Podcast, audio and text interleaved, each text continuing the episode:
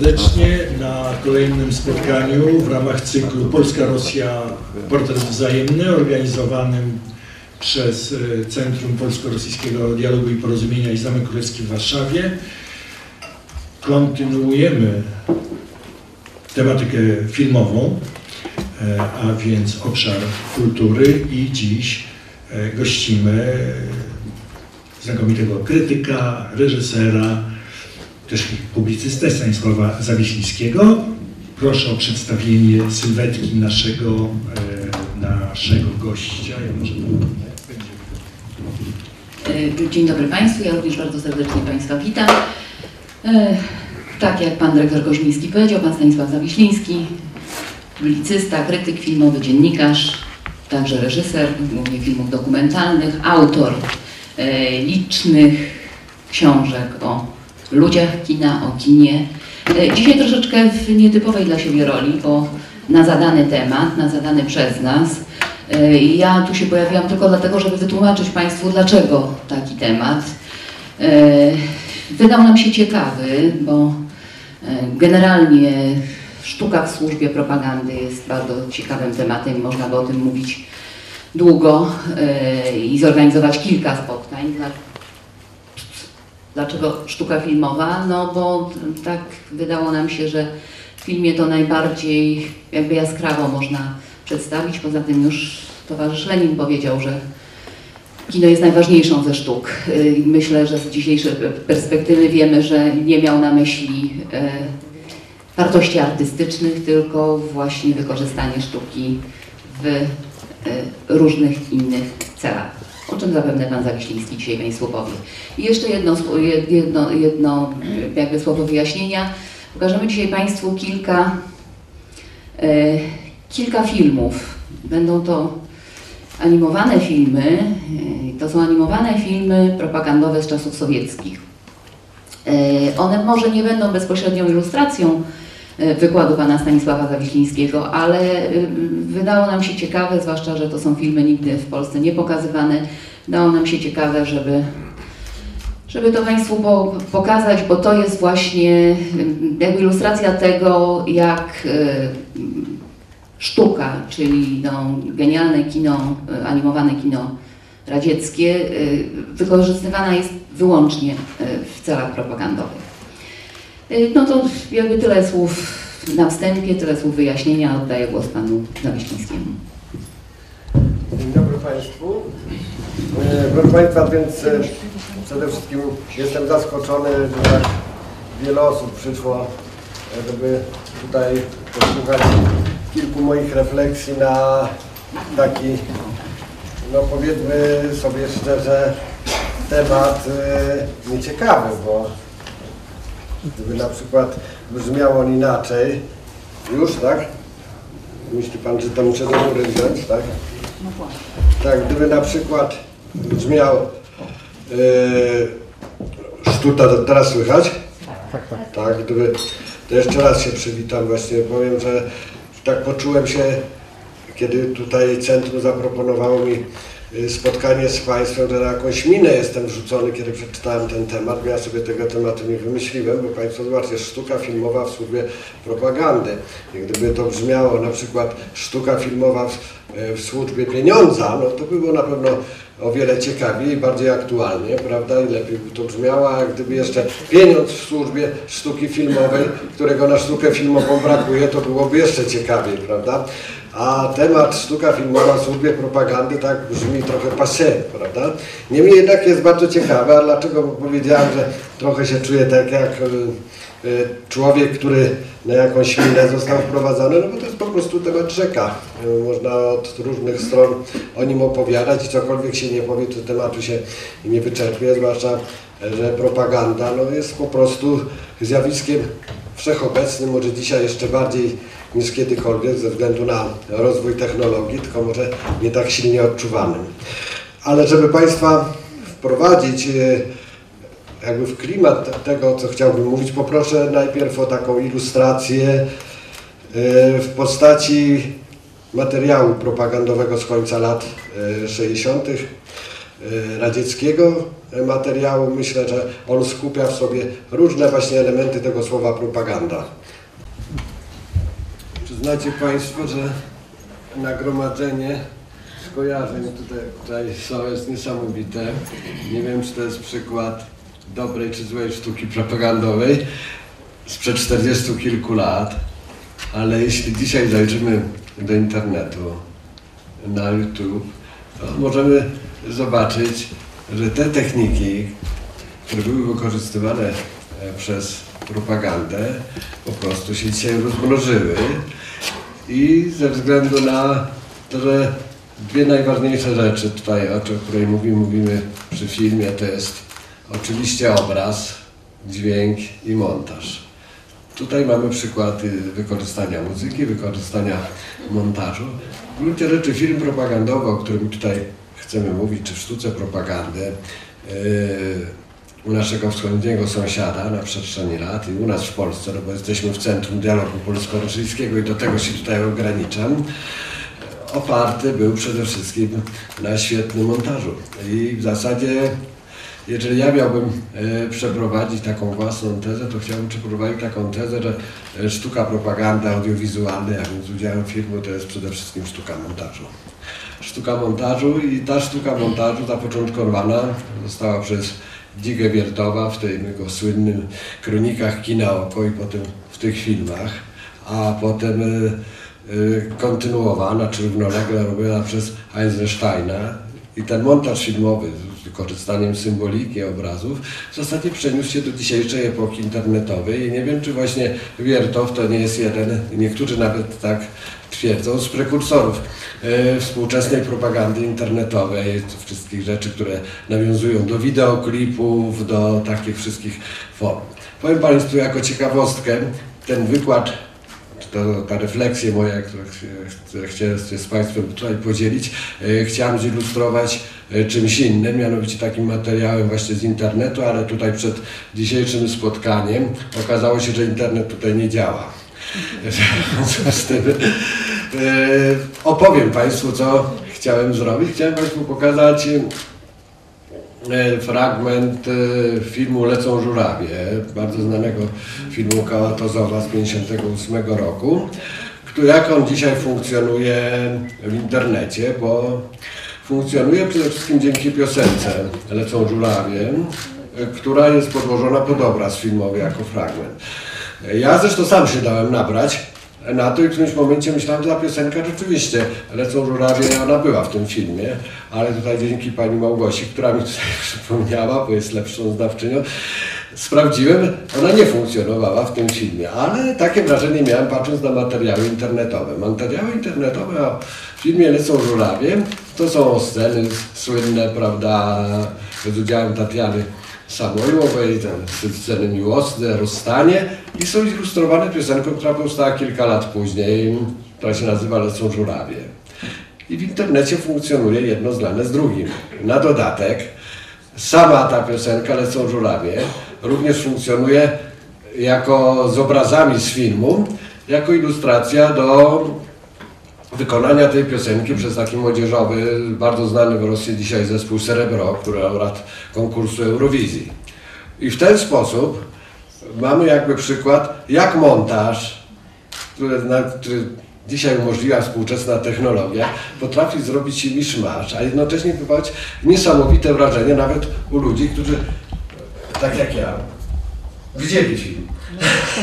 Kiedyś, ale po latach mi się zatarło i z całym dobrodziejstwem inwentarza przyjąłem, żeby widocznie ta melodia Lecą żurawie w tym filmie musiała być. No ale to jest właśnie sukces działania propagandy w świecie globalnym, w internecie.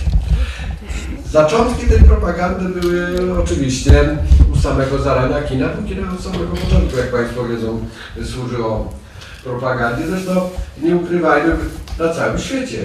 Jeżeli dzisiaj mówimy w kontekście Związku Radzieckiego czy Rosji o propagandzie, to wiedzą Państwo, te wszystkie konotacje negatywne, z którymi kojarzy się propaganda, no bo ona po prostu narosła w sposób jakby naturalny. Z czym dzisiaj propagandę kojarzymy cały czas negatywne. To słowo ma po prostu dzisiaj konotację negatywną, bo nawet w takich potocznych rozmowach mówimy niesie mi tu propagandy, nie wciskaj kitu, prawda? No ta propaganda ma takie negatywne konotacje, ale na samym początku, kiedy działa jako kino, nikt nego- te konotacji negatywnych chyba tak nie przyjmował. Y, W roku 1920 powstał film w Polsce Ryszarda Bolesławskiego Cud nad Wisłą, poświęcony y, wojnie polsko-bolszewickiej. Film został zrobiony na zlecenie Ministerstwa Informacji i Propagandy. Przez, ten, przez to ministerstwo został sfinansowany. Tak jak, także tutaj nikt nawet tego nie krył. Dzisiaj często się kryje, że współczesne rządy mają swoje komórki do realizowania filmów, może nie fabularnych, ale przynajmniej dokumentalnych. I to, jakby, to wszystko trwa. Polska też yy, i Rosja, znaczy oczywiście tutaj jest zupełnie inny problem, tematy, obszerne analizy, były książki, yy, dysertacje pisane o tym, jak funkcjonowała propaganda filmowa w czasach Związku Radzieckiego, ale chcę powiedzieć, ona funkcjonowała wszędzie. Mówię o tym na początku, że, żeby zdjąć trochę to odium słowa propaganda, żeby po prostu mówić o niej w sposób normalny, bez tych konotacji, bez tych skojarzeń z nowomową, fatalnym językiem, przerysowaniem, yy, w tym wszystkim, no bo, bo po prostu to jest jakby istota propagandy, że ona przerysowuje, że ona upraszcza, że ona wszystko sprawia jeszcze w krótkim czasie. Celem jest, żeby działać doraźnie. No i oczywiście działała doraźnie. Przecież obok słowa nieukrywanego propaganda funkcjonowała przez lata słowa agitacja. Mówiło się, że to jest film agitka, mówiło się, że to jest film produkcyjny, prawda? To wszystko e, miało miejsce. Przy czym dzisiaj, jak czytam na przykład niektóre prace, a to z ciekawości czytam, które piszą młodzi 20-paro-30-letni ludzie, to ten okres 70 paru lat funkcjonowania Związku Radzieckiego i okres całego PRL-u tak wrzucają do jednego worka, że po prostu wszystko było propagandą, w związku z tym wszystko było złem i jakby to. Oczywiście to jest wszystko bardziej złożone, tak nie było, były różne etapy, różne okresy. Takim najbardziej e, ostrym przykładem zaangażowania filmu do polityki, bo to oczywiście był pierwszy okres formowania się władzy radzieckiej, okres funkcjonowania filmów Eisensteina, prawda, Pudowkina czy Pyriewa, jeszcze tam wielu nazwisk mógłbym wymienić.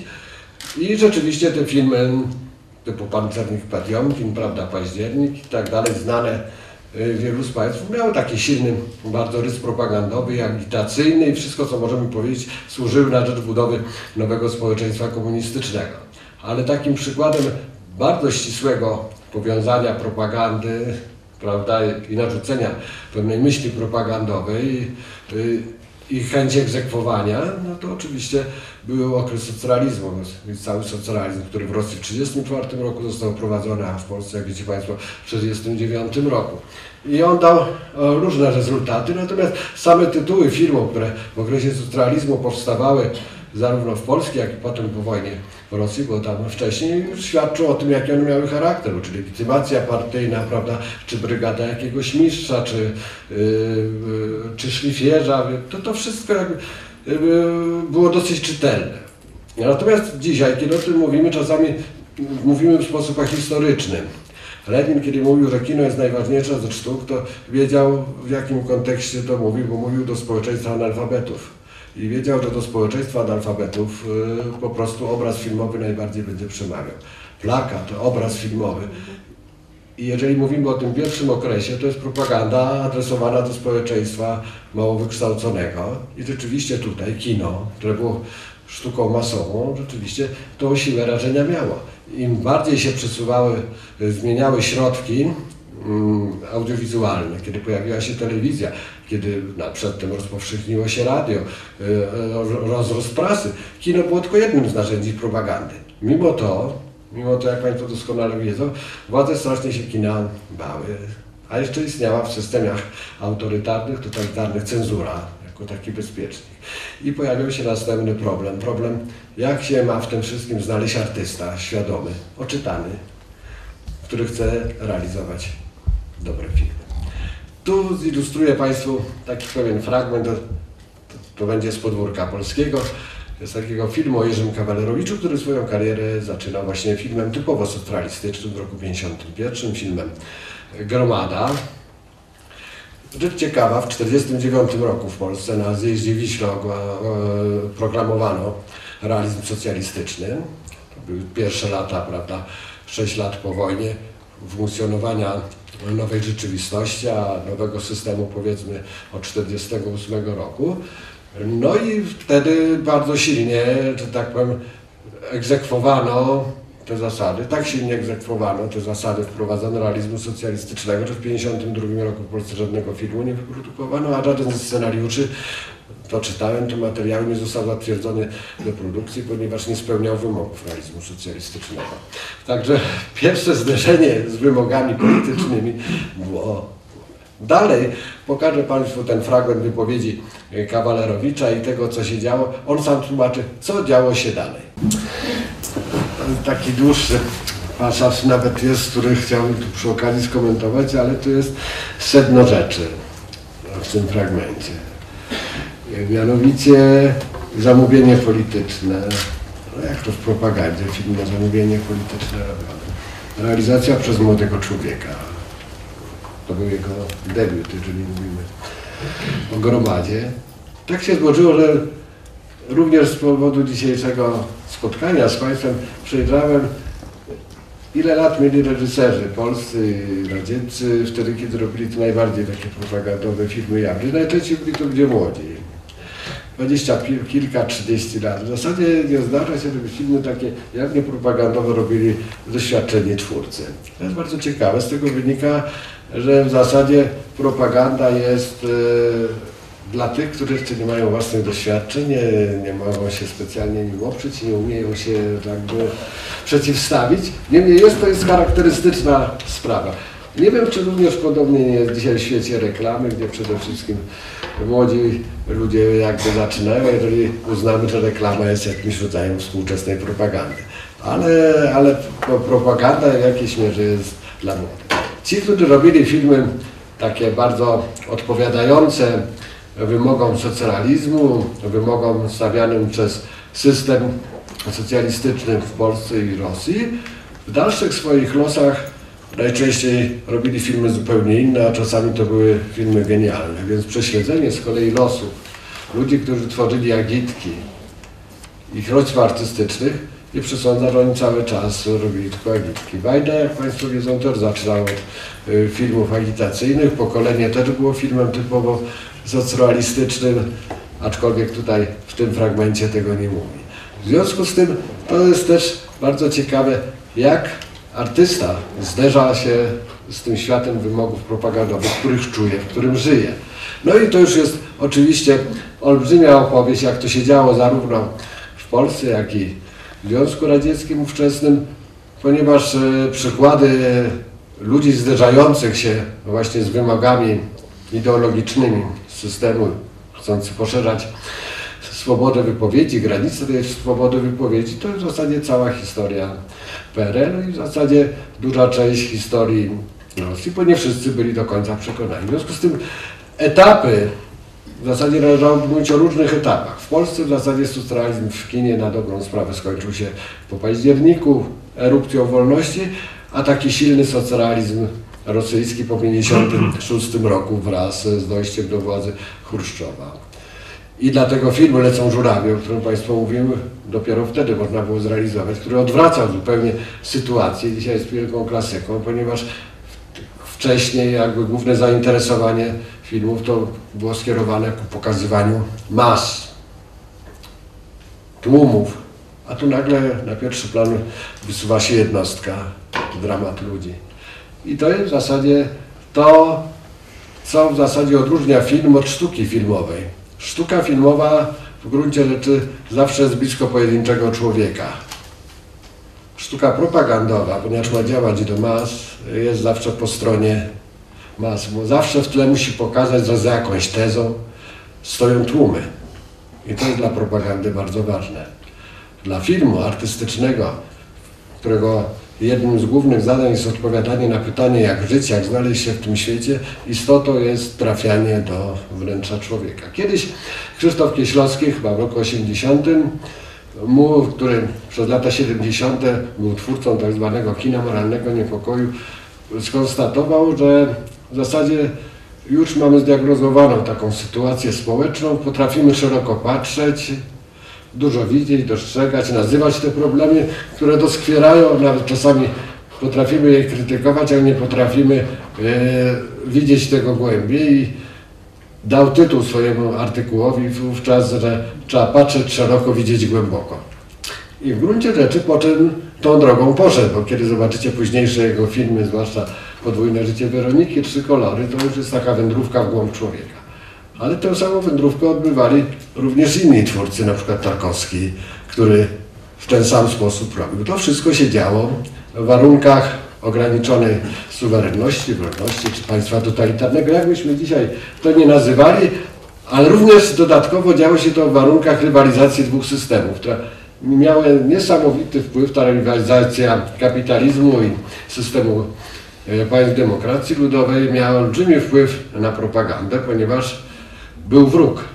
No i tego wroga trzeba było pokazywać. E, W roku 50 chyba czwartym w Polsce powstał taki film produkcyjniak właśnie w okresie socjalizmu, niedaleko Warszawy, y, gdzie tematem była, był atak stonki ziemniaczanej, którą oczywiście y, amerykańscy imperialiści tutaj rozsypali. Taka była teza tego filmu.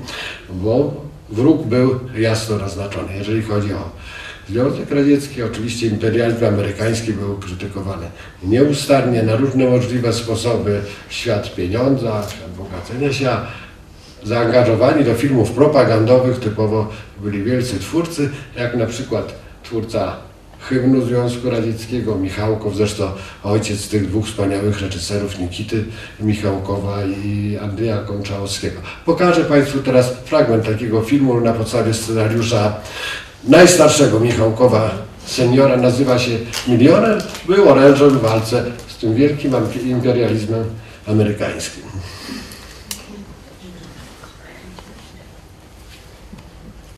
Przyznacie Państwo, że jak na film sprzed pół wieku, to dosyć inteligentny i nie zrobiony zbyt nachalnie. I możemy go dzisiaj w innych kontekstach odbierać, ale propagandę.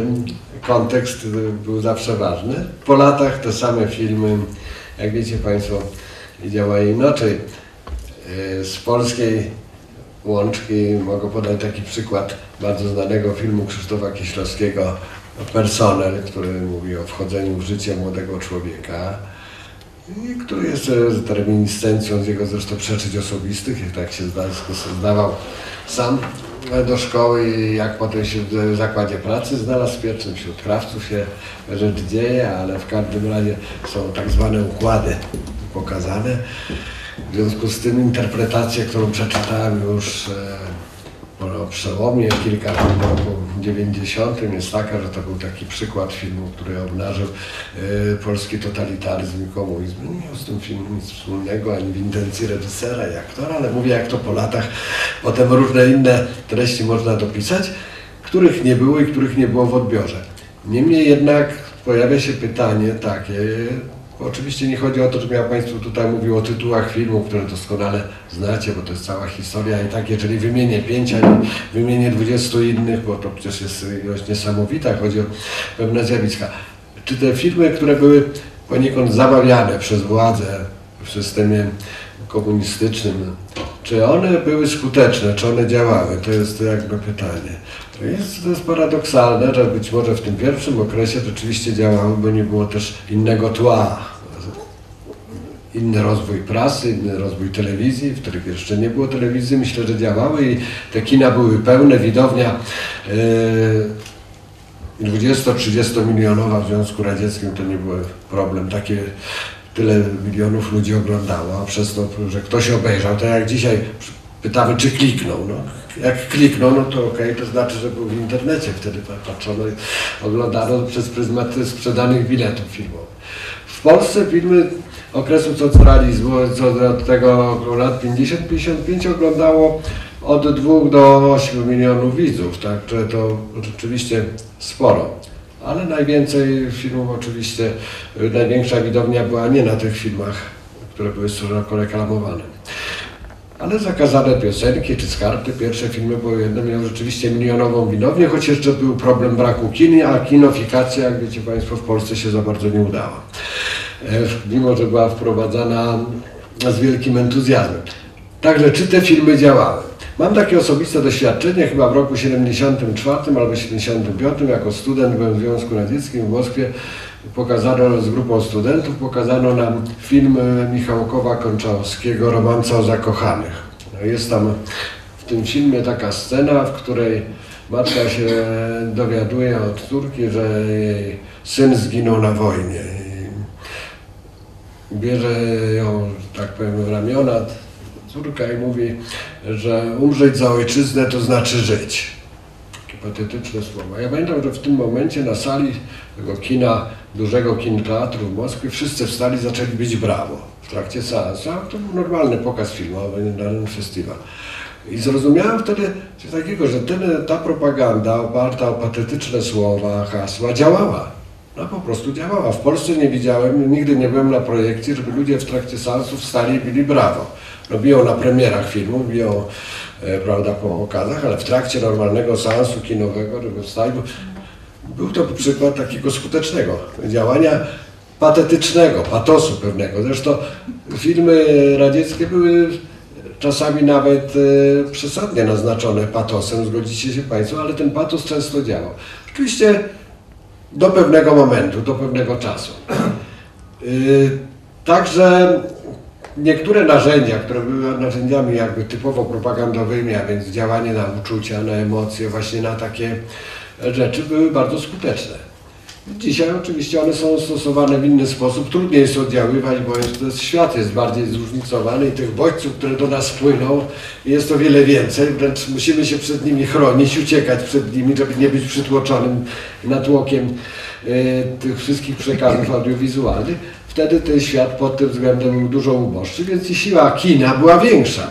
Dlatego kiedy dzisiaj mówimy o sztuce propagandy, w służbie, w służbie, w służbie, znaczy o sztuce filmowej, w służbie propagandy, no to musimy powiedzieć, że ta rola niesamowicie zmalała. Aczkolwiek, proszę Państwa, yy, jest drugi, trzeci i czwarty obieg. Tylko który już nie funkcjonuje jak ta pierwotna propaganda, tylko po prostu funkcjonuje już jako informacja, jako ciekawostka, jako tak jak w starym kinie. Oglądamy to wszystko z dystansem, więc to już nie ma znaczenia, czy te filmy były wtedy bardzo prawdziwe, czy działały propagandowo przed laty.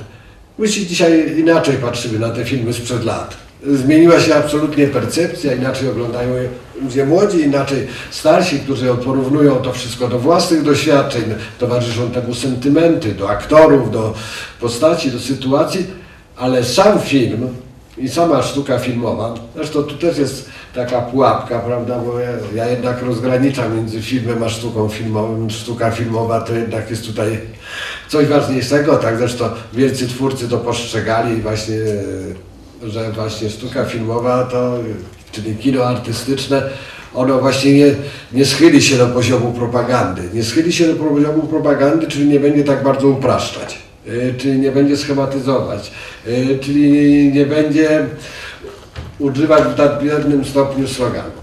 Ale czy nie będzie oddziaływać silnie na emocje? Bo przecież chodzi o to, żeby do tych emocji trafić. I sądzę, że jeżeli chodzi o to trafianie z emocjami, to problem ze sztuką filmową był taki, że e, jej oddziaływania bały się władze. Mówię cały czas o tych do, do, doświadczeniach e, minionego systemu. E, Bały się władze i stąd to się zjawisko pułkowników. W Polsce, w Polsce jak nikt dokładnie nie obliczył, ale na półkach znalazło się w okresie PRL-u około 30 kilku filmów e, fabularnych i ponad 50 dokumentów. To wcale nie jest tak dużo. W Rosji, jeżeli chodzi o w Związku Radzieckim, jeżeli chodzi o film fabularny, niedawno, no to tutaj yy, pani Małgosia Sztek mi też przypomniała, że jedna Rubanowa, która to była, też mówiła, szacuje się od 100 do 300, w każdym razie tyle ostatnio zdjęto spółek. No ale to po latach to już nie ma znaczenia. Przy czym te ingerencje cenzury, bo cenzura oczywiście decydowała o tym, że filmy szły na półki, czasami były z dzisiejszej perspektywy były absolutnie śmieszne. Ale czasami miały olbrzy, jakby owocowały bardzo niedobrymi skutkami i dla twórców, i dla odbiorców, a czasami i dla władz. Paradoksalnie, ale o tym jeszcze powiem. Film Austeria Jerzego Kawalerowicza miał nakręconą taką scenę ostatnio, w której oddziały kozackie strzelają do Hasydów, no i oczywiście Hasydzi giną. Cenzura najpierw zakwestionowała tą scenę, no bo oczywiście to była mowa o kimś ze strony Wielkiego Brata naszego. Przekręcił ją i była scena tylko, że y, strzelają ci kozacy, już nie wiadomo do kogo i zostaje tylko morze krwi na rzece. Mimo to, że ustąpił, to kiedy e, film e, miał się pojawić na ekranie, interweniowała ambasada radziecka. Te pisma dzisiaj są dostępne oficjalnie, że film godzi w sojusz polsko-radziecki i tak dalej. I żeby po prostu wycofać go z rozpowszechniania w ogóle. A Polacy chcieli zgłosić ten film e, jako polskiego kandydata do Oscara. Ulegli, nie zgłosili Austerii nigdy do Oscara. W Polsce Austeria miała wąskie rozpowszechnianie, mimo że na otarcie łez dostała Grand Prix na festiwalu w Gdyni w 1984 roku. Kawalerowicz opowiadał mi, że gdyby ta Austeria mogła się wtedy przebić do świata, on robiłby zupełnie inne filmy. Nie mówiąc o tym, to jak nie chciał jej kręcić w 1981 roku, tylko chciał ją kręcić po 1968, bo w 1968 napisał ze Stryjkowskim scenariusz. Przykład Kawalerowicza, reżysera, którego uważano e, za e, człowieka poniekąd władzy, był prezesem Stowarzyszenia Filmowców Polskich, to jest przykład niesamowitych paradoksów, jak musiał się borykać wybitny reżyser z propagandą, z oddziaływaniami systemu. Co nie znaczy, że dzisiaj tych oddziaływań nie ma, tylko są w innej postaci. Takich przykładów ingerencji, które nie pozwoliły na to, aby filmy trafiły do rozpowszechniania, jest bardzo wiele. Ale była również, i to myślę, to też jest właśnie kwestia propagandy, Zresztą to dzisiaj istnieje tylko w inny sposób, tak? kwestia rozpowszechniania filmów. Ile kopii? W jakim nakładzie? Czy do masowego rozpowszechniania, czy do kin studyjnych, czy do DKF-ów? Można mnóstwo o tym mówić. Wiele filmów pozostało nieznanych tylko dlatego, że trafiły do polskiego rozpowszechniania. A dzisiaj w ogóle niektóre są wyprodukowane i w ogóle nie rozpowszechniane, bo nikt nie ma ochoty wyłożyć na to pieniędzy. Natomiast mówimy o systemie, w którym kinematografia była państwowa, kiedy problem walki o pieniądze to nie był najważniejszy, ważnie, najważniejszy był problem zatwierdzenia scenariusza. Bo jak już się scenariusz był zatwierdzony, to pan producent potwierdzi, już nie było tak źle. Cieszę się, że tutaj mogę właśnie pana Michaluka powitać, który bardzo wiele zrobił dla pokonania barier cenzuralnych i niecenzuralnych z wieloma naszymi filmami. Doprowadziło do tego, że Ogniem i Miecze mogło być zrealizowane już po upadku PRL-u, a w PRL-u, jak wiecie Państwo, dwa odcinki trylogii Sienkiewiczowskiej mogły być zrobione właśnie z powodów politycznych i powodów cenzuralnych. W związku z tym pojawia się znów kolejny temat, o którym mogliśmy długo rozmawiać, tematy tabu. Tematy tabu, prawda, na które nie pozwalała totalitarna władza, która chciała, żeby ich nie poruszać. I walka artystów o to, żeby coś przemycić. Okiem do publiczności, prawda? Były takie kody, zwłaszcza w tak zwanym nurcie polskiego kina moralnego niepokoju, ale również w tym samym czasie, bo to też mało kto zwraca na to uwagę ze względu na takie różne urazy, które mamy często do Rosjan, ale ten nurt kina moralnego niepokoju bardzo współgrał z filmami o współczesności, w tym samym czasie powstającymi w Związku Radzieckim, z filmami Ilia Werbacha, e, Monolog Cudze Lisy, z filmami Gleba Panfiłowa, Larisy Szepitko. One absolutnie ze sobą tematycznie współgrały, aczkolwiek pojęcie kino moralnego niepokoju jest polskim wynalazkiem. Niemniej jednak związek polityki, czyli tak zwanego ochłodzenia lub e, ocieplenia, przykręcania, odkręcania śruby, zawsze przekładał się na to, co można było powiedzieć w filmie, zwłaszcza w filmie współczesnym. Zarówno, już mówię tutaj o latach 70., które sam pamiętam, jakoś władza zawsze zachęcała, żeby twórcy robili filmy o współczesności. ale te filmy o współczesności miały najwięcej problemów paradoksalnie już na etapie i scenariusza, i realizacji i miały najwięcej ingerencji cenzury. Paradoksalnie również wcale nie miały tak dobrej oglądalności. Największą oglądalność miały filmy tak zwane widowiskowe. I tak jak w Polsce taką wielką publiczność miały na przykład Faraon 11 milionów, Noce i Dnie 10 milionów, ja już nie mówię o Panu Połodniowskim, prawda, czy Potopie. To były wielkie widowiska, które też oczywiście te wielkie widowiska musiały się liczyć z tym, że podlegają cenzurze, ale to znów jest oddzielny temat, jakie to były ingerencje i tak dalej. Z kolei filmy o współczesności, publicystyczne, nawet filmy Zanussiego, a nawet Kieślowskiego wcale nie miały tak wielkiej widowni. Ale wtedy kino, kino to popularne paradoksalnie było mniej cenione, bo nawet czasami wstydliwie Hoffmanowi wypominano, jak to taki reżyser robi znachora i trendowatą, bo tu 10 milionów nagle przychodzi widzów na tak fatalne filmy. No dzisiaj jest inna sytuacja. Także to, moglibyśmy tutaj dużo rozmawiać, proszę Państwa, i mógłbym bardzo wiele mówić o tych różnych paradoksach, o wynaturzeniach różnych, bo również były wynaturzenia propagandy. Propagandy nie traktuje, że ona jest samym złem, bo w ramach tak zwanego o, obowiązującej ogólnej poprawności politycznej, która jest i dzisiaj powstawały dzieła, które rzeczywiście pod względem artystycznym były dziełami wspaniałymi. Ja tutaj mówię na przykład o filmie Lecą żurawie jako jedynym przykładem, ale takich przykładów można e, e, podać mnóstwo, które się wyrywały spod e, tych ograniczeń cenzury, wolności słowa i tak. Natomiast możemy powiedzieć, że były również już zupełne rzeczy wypaczone. Byłem w końcu lat 80. we Włoszech na przeglądzie kina albańskiego. Obejrzałem 10 filmów fabularnych, animowanych. Każdy film, czy nazywał się Pierwszy Nauczyciel, czy Wspaniała Brygada, czy Nowa Szkoła, w podtekście bohaterem tego filmu był Enver Hoxha, niezastąpiony przywódca albańskiej partii komunistycznej i przywódca narodu. Powiem szczerze, Mówię o tym, bo nawet katalog mam do dzisiaj z tego festiwalu, że nawet e, nie widziałem e, tak bałwochwalczych filmów rosyjskich, na cześć Stalina, które powstawały i które były robione z wielkim tępieniem, jak film o Enverze Chodży w Małej Albanii. No ale tak to czasami jest, że państwa satelickie są bardziej papieskie niż papież, prawda? I, a to były filmy jeszcze, powiem Państwu, lat 60. i 70., a nie z czasów głębokiego stalinizmu. Więc i takie są jakby tutaj tego przykłady.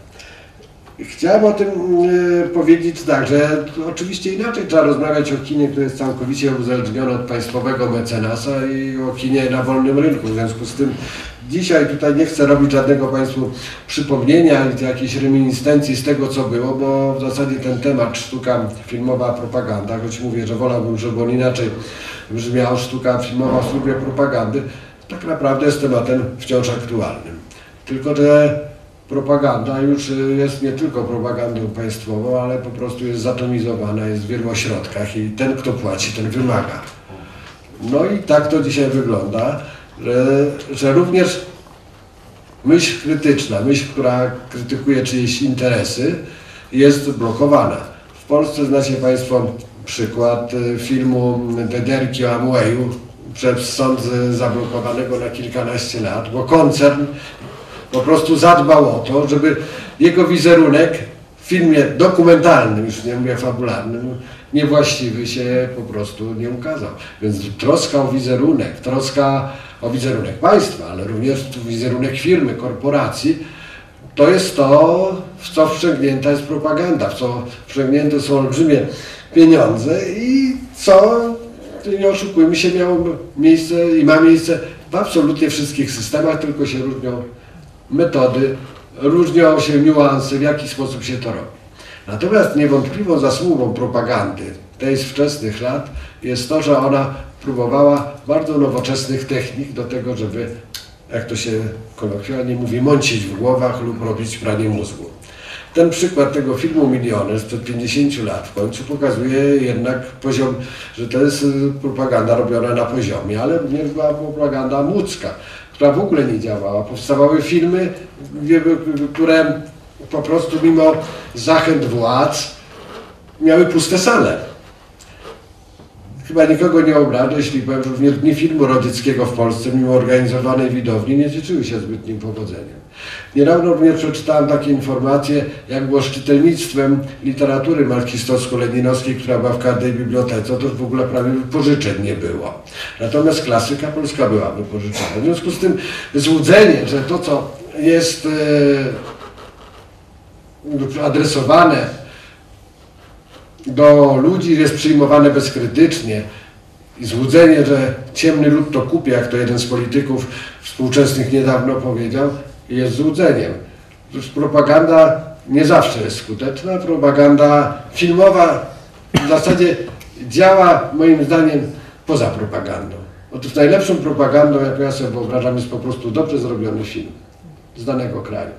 I o tym również władze komunistyczne też wiedziały, ponieważ na festiwale wysyłały rzeczywiście na, najlepsze filmy, na festiwale do Cannes, do Wenecji, do Berlina Zachodniego.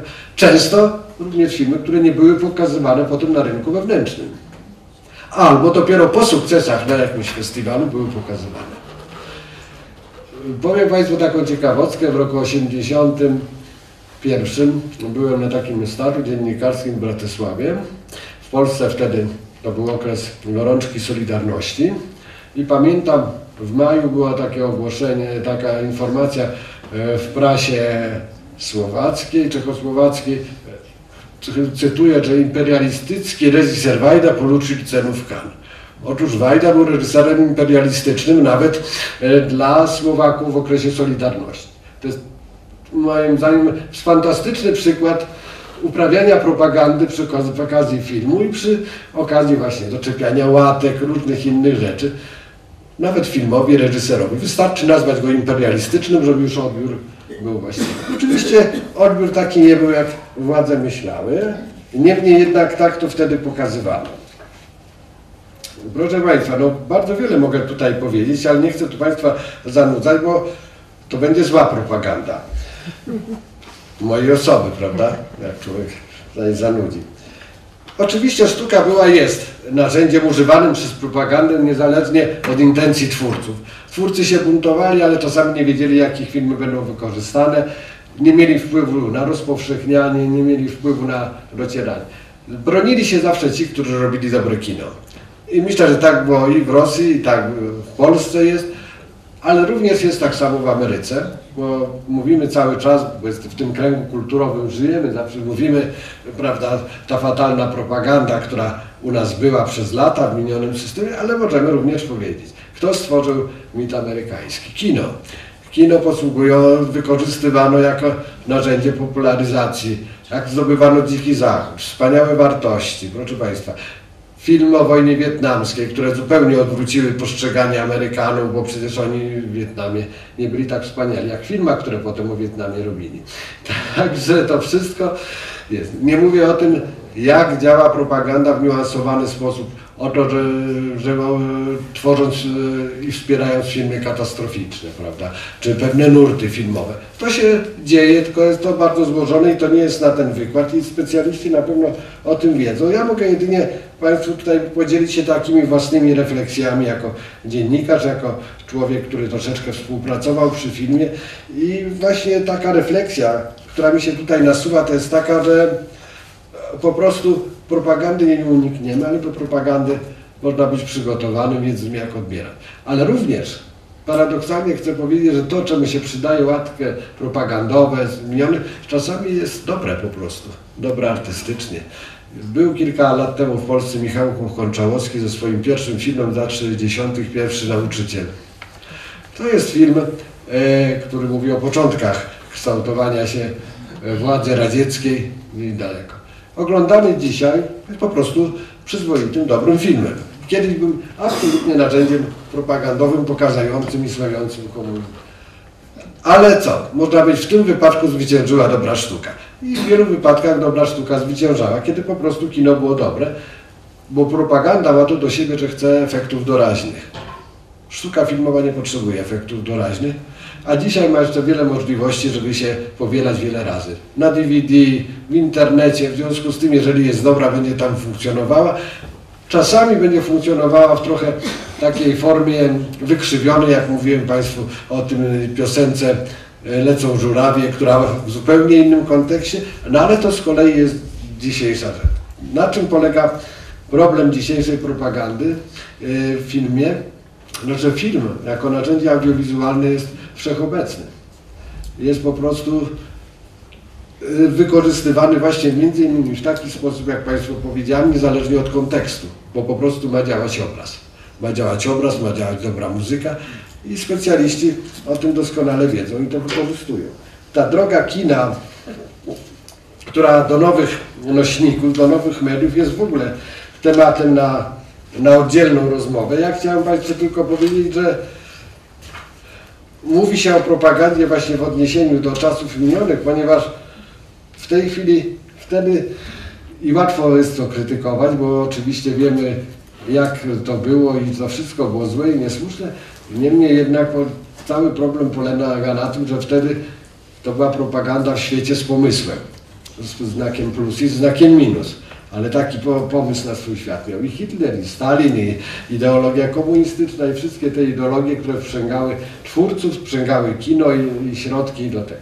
A dzisiaj żyjemy w świecie troszeczkę takim, który nie ma pomysłu na siebie i na to zwraca uwagę między innymi Kieślowski w ostatnich swoich refleksjach, które no to w takim świecie się żyje trudniej.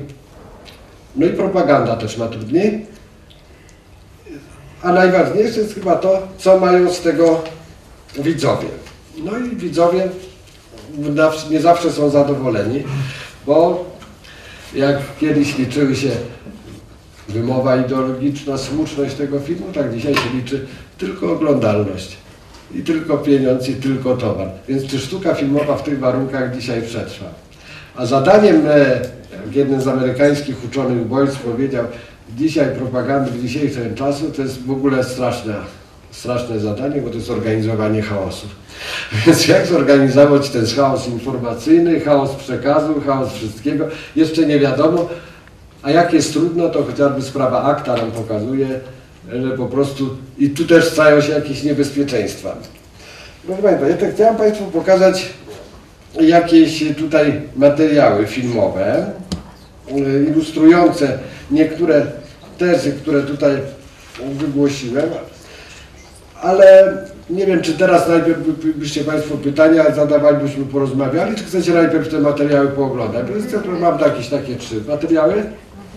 Tak, no to fajnie. To co? Myśmy poprosili, a zanim te materiały się pojawią, to chciałem właśnie jeszcze Państwu powiedzieć taką osobistą refleksję, podzielić się taką refleksją. Zastanawiałem się, dlaczego zostałem poproszony o to, żeby takie refleksje z Państwem tutaj wygłosić i doszedłem do wniosku, że wina jest taka. Mianowicie z kolegą Sła- Sławomirem Rogowskim, który tutaj jest go witam, członkiem Krajowej Rady, zrobiliśmy film Tala od Różańca, która teraz wędruje po festiwalach. To jest film o takiej znanej polskiej pisarce Natalii Roleczek. Ona na początku lat 50. napisała książkę Drewniany Różaniec. Drewniany Różaniec to była opowieść o jej, jej doświadczeniach, doświadczeniach w sierocińcu prowadzonym przez siostry przed wojną yy, w Zakopanem. No i ponieważ to był obraz krytyczny tego domu, w którym była wychowywana przez jakiś czas przez siostry, książka została skwapliwie wykorzystana w 1953 roku, została a więc w apogeum niemalże stalinizmu, została e, zatwierdzona jako książka, która powinna trafić do szkół, popularyzowana przez Ministerstwo Oświaty, krótko mówiąc, niesamowity sukces odniosła czytelniczy, była zalecana przez władzę, ale w celów oczywiście indoktrynacji, bo się nadawała wtedy w okresie ówczesnej walki w Kościele. No i to oczywiście ta książka, która była wówczas jej sukcesem wydawniczym, stała się potem jej przekleństwem. Mimo, że to była dobra książka. Użyta została w walce politycznej, użyta została w walce propagandowej, niezależnie od intencji autorki. Pewnie nieświadomej jeszcze tej sytuacji. Zwłaszcza to, to była jedna z pierwszych książek, które ją publikowano, bo które napisała wcześniej o swoich doświadczeniach jak e, walczyli Jakowcy jej koledzy, te książki wówczas cenzura przemyliła i ona nie mogła ich po prostu opublikować. A ta, która się ukazała, to nie była ta, o której myślała. Prawdziwa, autentyczna, wykorzystywana. I takie doświadczenie towarzyszyło jej potem przez całe życie. Dlatego o mówię, bo były takie losy również filmów. Były również takie losy filmowców, którzy płacili ceny, a ich dzieła też nie zawsze były wykorzystywane z ich intencjami. Także temat jest ogromny, szeroki, trudny. To jest po prostu burz, proszę Państwa, propaganda i film. I ten burz jest coraz większy i nie bardzo wiemy, z której strony oberwiemy, ze strony tych sztuk audiowizualnych, tak mi się wydaje, ponieważ techniki są coraz bardziej wyrafinowane, można multiplikować wszystko, zmieniać, przekształcać i wrzucić do internetu. No i w internecie też się jeszcze to wszystko przemiele i jaki z tego będzie mieć. Pytanie, czy w tym wszystkim ocaleje sztuka filmowa, czy zostanie tylko towarem. Bo tak naprawdę, bo za ten temat, wracam do tego, co powiedziałem na początku, powinien dzisiaj brzmieć sztuka filmowa i pieniądze. Bo i propaganda jest za pieniądze, i sztuka filmowa za pieniądze. Mam wrażenie, że na usługach propagandy jest więcej pieniędzy. Dzisiaj na usługach prawdziwej sztuki filmowej chyba trochę mniej, ale wszystko rozgrywa się dzisiaj w tej sferze. No to chyba tyle. Na koniec y, proponuję Państwu jeszcze obejrzenie trzech, y, tak jednego, a potem e, ewentualnie dyskusję. To najpierw jeden jeszcze taki ciekawy film propagandowy z lat 60. Jeszcze zanim ostatni film tutaj koleżanka nam puści, chciałem powiedzieć taką Rozmawiałem z Krzysztofem Kieślowskim i kiedyś y, zadałem mu takie pytanie, która cenzura, bo robił filmy, jak wiadomo, w Polsce i na Zachodzie, dla niego była bardziej uciążliwa, jest uciążliwa ta polityczna, która była w PRL-u, czy ta ekonomiczna, z którą zetknął się na Zachodzie i robił filmy we Francji. Powiedział, że jednak ta ekonomiczna, bo tą naszą można było przeskoczyć, ominąć, jakiś slalom uprawiać. Nie wiem, czy tak było też w Rosji, ale kiedyś spotkałem na festiwalu Kirę Muratową, na festiwalu jeszcze wówczas w Berlinie Zachodnim, twórczynię syndroma scenicznego, takiego filmu, który długo leżał na półki. No i też e, jakby nie podzielała wówczas zachwytu, ale to było 20 parę lat temu, więc nie wiem jak dzisiaj by było. E, w każdym razie kto płaci, ten wymaga, odnosi się to i do sztuki, i do propagandy. Także wydaje mi się, że w dzisiejszym świecie jednak pieniądz tym wszystkim rządzi, interesy rządzą. Jeszcze w tamtym kinie, tamtego systemu były idee, które próbowano wcielać miały wpajać. No dzisiaj tą ideą jest pieniądz jak się w tym wszystkim znaleźć, w tym chaosie. Jest to jakiś problem, ale to myślę, że dla młodszego pokolenia, które wykorzysta wszystkie możliwe techniki, rozwinie je. Niemniej jednak myślę, że nic e, nie odkryto na nowo i, będzie się nawiązywać, jak widzicie Państwo, ta poetyka tych filmów propagandowych doskonale jakby weszła do wideoklipów, do, po prostu do kultury masowej. Propaganda dzisiaj jest obecna w kulturze masowej w sposób po prostu nie tak widoczny, nie tak ekspansywny, nie tak jak kiedyś, że to wszystko było na plakatach ulicznych widoczne, że jak dzisiaj widzimy reklamy. Ona po prostu jest w sposób subtelny, ale obecna w całej kulturze masowej. Tak jak istotą kultury propagandy jest to, żeby dotrzeć do mas, tak samo sama nazwa kultura masowa. Więc liczy się właśnie to, co jest w kulturze masowej i przekaz filmowy i przekaz sztuki filmowej zdemokratyzowany dzisiaj jest właśnie w kulturze masowej i w internecie. No tym chciałbym zakończyć, podziękować Państwu. Jeżeli chcecie Państwo jeszcze jakieś refleksje wymienić, to może w kuluarach, prawda, po tym ostatnim filmie. Jak Państwo sobie życzą, nie wiem jak to organizatorzy. Ja dziękuję Państwu.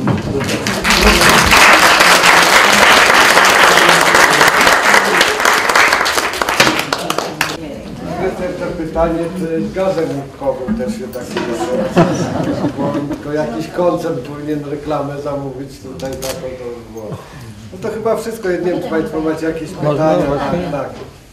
Czy znany jest Panu film propagandowy, który przyniósł odwrotny skutek? I który, mógł, i który mógł, musiał być zdjęty przez władzę na przykład. Albo gdzie autor coś przemycał. Proszę pana, a trzeba absolutnie tak, absolutnie wrócę do tego przykładu filmu Lecą żurawie, który, by, który pokazywał e, to, jak świetną kinematografią ma Rosja i film, który trafił do kilkudziesięciu krajów, poza był rzeczywiście oglądany na całym świecie, znany. Mówię ja o jednym takim przykładzie, ja po prostu taką stawiam tezę, że po prostu najlepszą propagandą jest dobrze zrobiony film. Bo on wtedy spełnia wszystkie inne funkcje. Mówi o kraju, z którego pochodzi, mówi o reżyserach, o, wolności, o wszystkich rzeczach, że tam można zrobić. Przecież polityka, która polegała na tym, że najlepsze filmy wysyła się na festiwale na zachód. Mówię o filmie, była dobra polityka, ponieważ, że tak powiem, skrzywiała obraz. Ale z drugiej strony myśmy też mieli skrzywiony obraz, bo komisje, które kupowały filmy zachodnie, które były u nas pokazywane na konfrontacjach albo w Chinach, też wyławiały te najlepsze. I myśmy tutaj, żyjąc za żelazną kurtyną, tej sieczki amerykańskiej nie znali.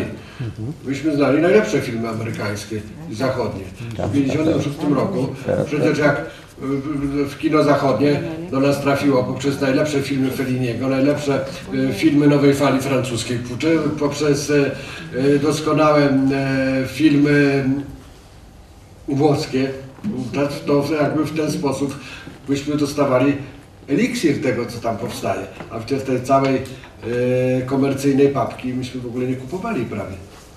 No, oczywiście w, w czasach telewizji było już inaczej, ale pamiętacie Państwo, że Bonanza była bardzo dobrym serialem, prawda?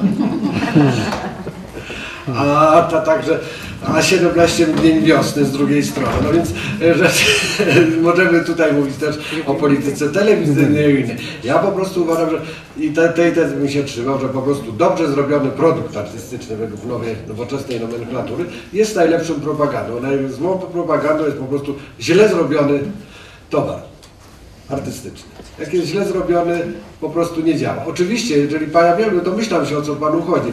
Ile było nietrafionych rzeczy. Podam Panu przykład. Był taki film z intencją zrobiony Bogdana Poręby, gdzie woda czysta i trawa zielona, który pokazywał jak sekretarz partii. To była prawie w ogóle oglądalności, nie ja zresztą sam o tym filmie pisałem, go krytykowałem. Także to takie filmy, które po- powstały, czy publiczność zresztą ludzie czują. Yy, jakby taki zbyt duży fałsz, zbyt dużą przesadę. Odsuwają się od tego. Tak było w przypadku takich filmów, takich produkcyjniaków. Przecież w każdym kraju trochę powstawało i one rzeczywiście nie robiły specjalnego wrażenia. Wrażenie i to, co zostawało, po prostu ten pierwszy człon, sztuka filmowa. Wtedy, kiedy docierało się o sztukę, wtedy zostawiało to silniejszy ślad. Kiedy było samą czystą propagandą, nachalną, na dodatek robioną przy okazji yy, niezdarnymi środkami przez nieutalentowanych ludzi, to niestety było inaczej, ale utalentowani też robili wspaniałe filmy propagandowe, nie wiem, o plakatach, o innych rzeczach. No to wszystko miało miejsce, tylko że to jest temat strasznie obszerny. Natomiast odpowiadając na Pana pytanie, tak, tak, ja uważam, że dobre filmy robiły dobrą A jak pan sądzi, jakby te filmy teraz po odświeżeniu, nie mogłyby one służyć jako krytyka tego okresu? Do krytykowania właśnie, do pokazania jaki ten okres był totalitarny, zły, niedobry i tak dalej. Można by było w ten sposób odwrócić sytuację. No wie pan, no to, to, to tak samo możemy powiedzieć, wie pan, o Ameryce, to też była imperialna, kolonialna, straszna i okropna i to w zasadzie, ja dlatego rozciągam to pojęcie, bo my tu tak jakby staram się bardzo wąsko patrzeć. Widzicie Państwo, zobaczcie w dzisiejszej sytuacji, jak w Chinach jest trudno z internetem do dzisiaj, prawda, to jest masowe. Blokowanie strony, ca- cały problem, żeby ten, ten, masowy przekaz, który dzisiaj idzie przez internet, informacyjny czysto, żeby nie mógł się przejść filmy chińskie, prawda? Kino irańskie na przykład. Zobaczcie Państwo. My myślimy o Iranie bardzo dobrze poprzez kino, które uciekało na festiwale i w Iranie jest niepokazywane. Natomiast y, jest y, obecne na festiwalach jako bardzo dobre kino. Mówię o Kiarostamim na przykład, prawda? Świetne filmy, ale one istnieją w obiegu festiwalowym, one nie istnieją tam. Także jakby nie chcę jakby sprowadzać do tego, że to co robi Rosja, to co robi Ameryka, to co myśmy robili w PRL-u, że to jest tylko nasza przypadłość. Zależy od szerokości spojrzenia. Spójrzmy, jak wygląda na przykład sytuacja w kinie niemieckim. No, ostatnie lata na przykład są takie, że na przykład ostatnie dni Hitlera, taki film był. I ten Hitler już taki ciep- cieplejszy jest w tych ostatnich dniach Hitlera. Prawda? No więc te akcenty można różnie rozkładać. Mija czas, dystans, inaczej się o tym wszystkim opowiada.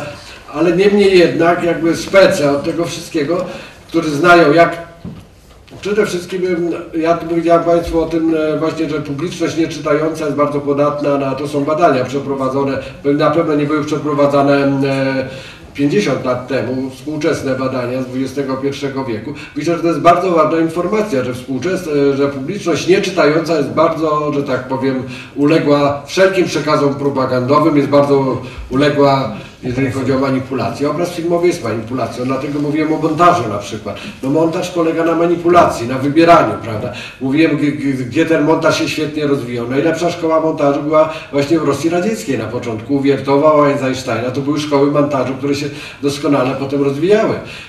I nie chciałem, tu oczywiście robię pewne uproszczenie, przechodząc do dnia dzisiejszego. Dzisiaj w ogóle oglądamy świat zmontowany, proszę Państwa. Jeżeli przejdziemy do ekranu telewizora za chwilę po tym spotkaniu, to obejrzymy świat zmontowany. Świat jakby... Zwróćmy uwagę na to, że te na przykład filmy, które tutaj mamy, one były obecne jako tak zwane dodatki przed y, filmami fabularnymi. W Polsce te role pełniła kronika filmowa, te, te kroniki filmowe, to wszystko były przekazy. My dzisiaj tego nie mamy, a co nam to zastąpiło? Dzisiaj przecież musimy przecież, e, że tak powiem, pasmo reklamowe 15-minutowe odbyć, prawda? No jest to propaganda tylko po prostu pieniądza, kapitału, propaganda firm, propaganda czegoś, ale to jest propaganda, nazywamy ją reklamą. Jeżeli chodzi o walkę polityczną, to nazywamy to marketingiem politycznym, prawda? No ale przecież to się wszystko toczy. No świat się trochę zmienił. Świat się trochę zmienił, natomiast istota jakby tych przekazów chyba myślę, że pozostała. Trudno odróżniać dzisiaj czasami, co jest propagandą, co jest wiarą, co ma intencje. Ale jeżeli ludzie są jakby wykształceni, no to, ja mówię, no to ciemny lud tego nie kupi. No ja tutaj tak odpowiadam temu politykowi, temu hasłu, że ciemny lud to kupi. Ale cała nadzieja w tym, że lud nie jest ciemny, bo jak się okazało, że kiedy nie był ciemny, to były przewroty, rewolucje, zmiany i tak dalej. No, ciemny lud też to robił i stawał na czele. Także to tyle. Można Pana zapytać, jak Pan rozumie propagandę? Bo jeśli Pan lecą żurawie uważa za film Nie, propagandowy, absolutnie. tak to zabrzmiało, Nie, y, nie, powiedziałem, że rozumie Pan bardzo szeroko. wyszczegółowie. Właśnie chciałem, po- powiedziałem, że właśnie, że w ramach systemu po- obowiązującej propagandy pojawiały się rzeczy absolutnie arebur. I lecą żurawie są przykładem dokładnie arebur. Anty, jakby dzisiaj moglibyśmy nazwać antypropagandę. Absolutnie nie. Tylko mówię, że jeżeli dzisiaj jest teza, wie pani, może ja to uprościłem. Teza, która mówi, że wszystko, co powstawało w ramach systemu propagandy komunistycznej, było tym skażone i nie miało w sobie innych elementów. Ja wręcz przeciwnie twierdzę. Ja twierdzę, że właśnie bardzo dużo rzeczy powstawało Arebur, powstawały świetne, wspaniałe, no, nie chcę już mówić o Tarkowskim na przykład, no, zupełnie poza propagandą, chociaż ten pierwszy film miał elementy propagandowe. Także można tutaj bardzo wiele takich rzeczy mówić, bo chyba tu się nie zrozumieliśmy. Nie, absolutnie nie uważam Lecą Żurawi za, za film propagandowy, wręcz przeciwnie. Uważam za dobry, że dobro, inaczej, spełnił bardzo dobrą rolę propagandową, jeżeli chodzi o Związek Radziecki. Pokazał, że ma wspaniałą kinematografię, wspaniałych artystów i i kino, które może podbijać cały świat. Świat się śmieje też, możemy powiedzieć, znany film, prawda? Czy jest filmem propagandowym? Może być propagandowym, ale jest świetnym kinem. No i takich przykładów można mnóstwo dawać, prawda?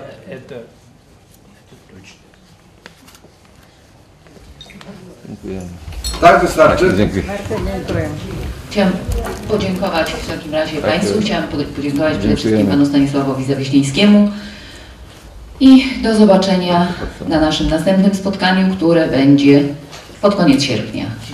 30 sierpnia dokładnie. Zapraszamy serdecznie. Do widzenia.